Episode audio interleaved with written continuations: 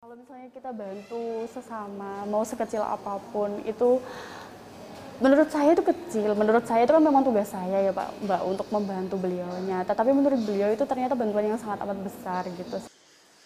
Menjadi petugas BPJS 1 adalah tugas yang mulia bagi Nurfi Aisyah. Ya, Nurfi adalah satu dari tujuh petugas BPJS 1 Surabaya yang secara bergiliran berjaga di rumah sakit dan fasilitas kesehatan lainnya. Dua tahun menjadi petugas BPJS 1 memberinya banyak pengalaman berharga. Apalagi tugasnya adalah menjadi jembatan antara pasien dengan rumah sakit untuk mengkomunikasikan masalah BPJS Kesehatan. Sebagai petugas BPJS 1 di Surabaya, ia bertanggung jawab untuk 7 hingga 8 rumah sakit. Tantangan tentu ada, apalagi peserta jaminan kesehatan di kota Surabaya cukup tinggi. Melihat banyaknya peserta ini pun membuatnya harus memberikan pelayanan yang maksimal. Kayak setiap harinya, jadi eh, mau tidak mau selama kita masih masih memegang HP atau kalau nggak gitu memang nggak tidur gitu ya Mbak. Jadi kita harus uh, tetap standby untuk balas pasien, uh, untuk balas rumah sakit sih. Karena pasti ada konsultasi mengenai data-data pasien yang bermasalah atau seperti apa gitu sih Mbak. Uh, itu juga Sabtu Minggu juga sama aja ter, uh, terus 24 jam. Layanan BPJS 1 ini kepanjangan dari BPJS Siap Membantu. Resminya, layanan ini sudah ada sejak 2020 di berbagai wilayah Indonesia. Tugasnya untuk memberikan informasi dan penanganan pengaduan dari peserta jaminan kesehatan. BPJS 1 Surabaya bagian dari kantor cabang utama Surabaya merupakan salah satu yang memberikan layanan aktif.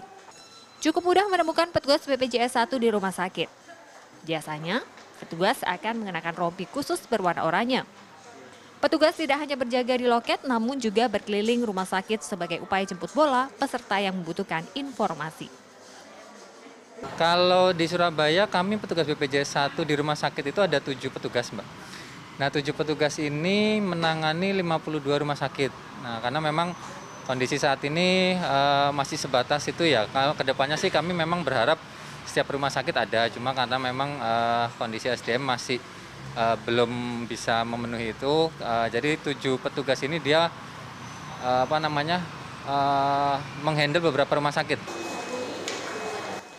Di salah satu rumah sakit ibu dan anak Surabaya ini contohnya sebagai rumah sakit yang terbantu dengan adanya petugas BPJS 1.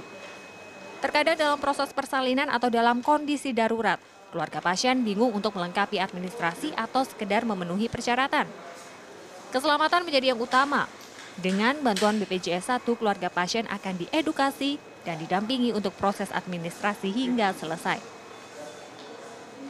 Ketika ada petugas BPJS 1 di, di rumah sakit, kita lebih mudah kemudian e, mengatasi komplain, kemudian mengatasi masalah-masalah keaktifan kepesertaan itu lebih mudah sekali.